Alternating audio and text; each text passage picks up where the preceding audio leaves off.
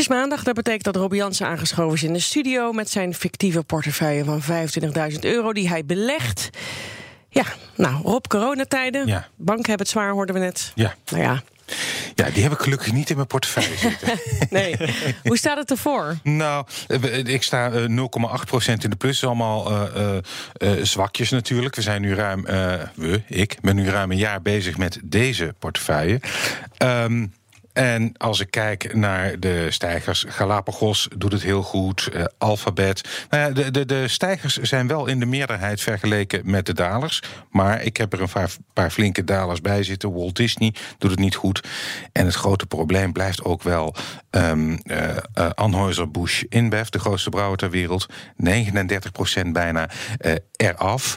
Um, heeft natuurlijk ook bijvoorbeeld hè, in deze coronacrisis te lijden van de lockdown. Dus als je kijkt van nou ja, hoe corona-proof is je portefeuille, nou ja, die wordt natuurlijk net zozeer geraakt als alle andere bedrijven. dus de, wat dat betreft kan niemand zich daar die belegt aan onttrekken. Ja.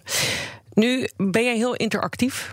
Ja. Um, tijdens uh, dit beleggingsavontuur. Dus ja. jij, uh, ja. Mensen kunnen je staat open voor Rob vragen. Beurs. Ja, precies. Rob Jansen Beurs. Mocht je vragen of opmerkingen of aanmerkingen hebben of tips. Um, en nou zijn er dus een aantal vragen binnengekomen over je beslissing om Microsoft te verkopen. Ja, want die vraag, hè, wat ga, ik, ik wilde geld vrij spelen om uh, andere dingen te kunnen kopen, kaspositie iets te verbeteren. En toen heb ik uh, de luisteraar de keus gegeven tussen Galapagos en Microsoft.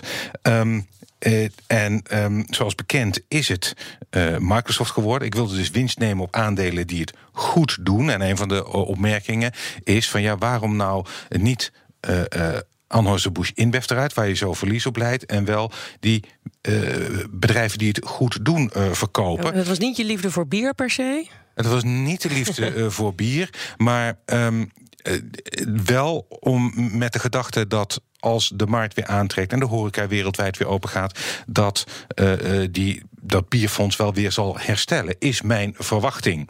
En um, dat betekent ook, ik bedoel, daarmee is niet gezegd dat Microsoft het niet goed doet of goed blijft doen. Ik zag toevallig vandaag voorbij komen dat het waarschijnlijk net als Apple door de 1500 miljard aan beurswaarde ja. zou gaan. Je blijft natuurlijk met een schuine ogen blijf je daar natuurlijk wel ja. naar kijken, toch? Blijf je, ja, je blijft er wel met een schuine oog naar kijken, maar je wil ook, hè, ook uh, verversen gewoon voor mm -hmm. het programma zelf, voor ja. de rubriek zelf. En ik heb Adyen gekocht en ja, dat gaat ook als raket. En ik sluit niet uit dat Adyen sneller gaat groeien dan Microsoft deed. Dat is natuurlijk nog even afwachten. Dat ligt in de toekomst besloten.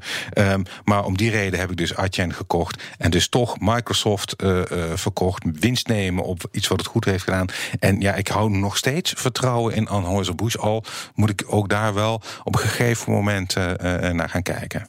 Rob, dankjewel.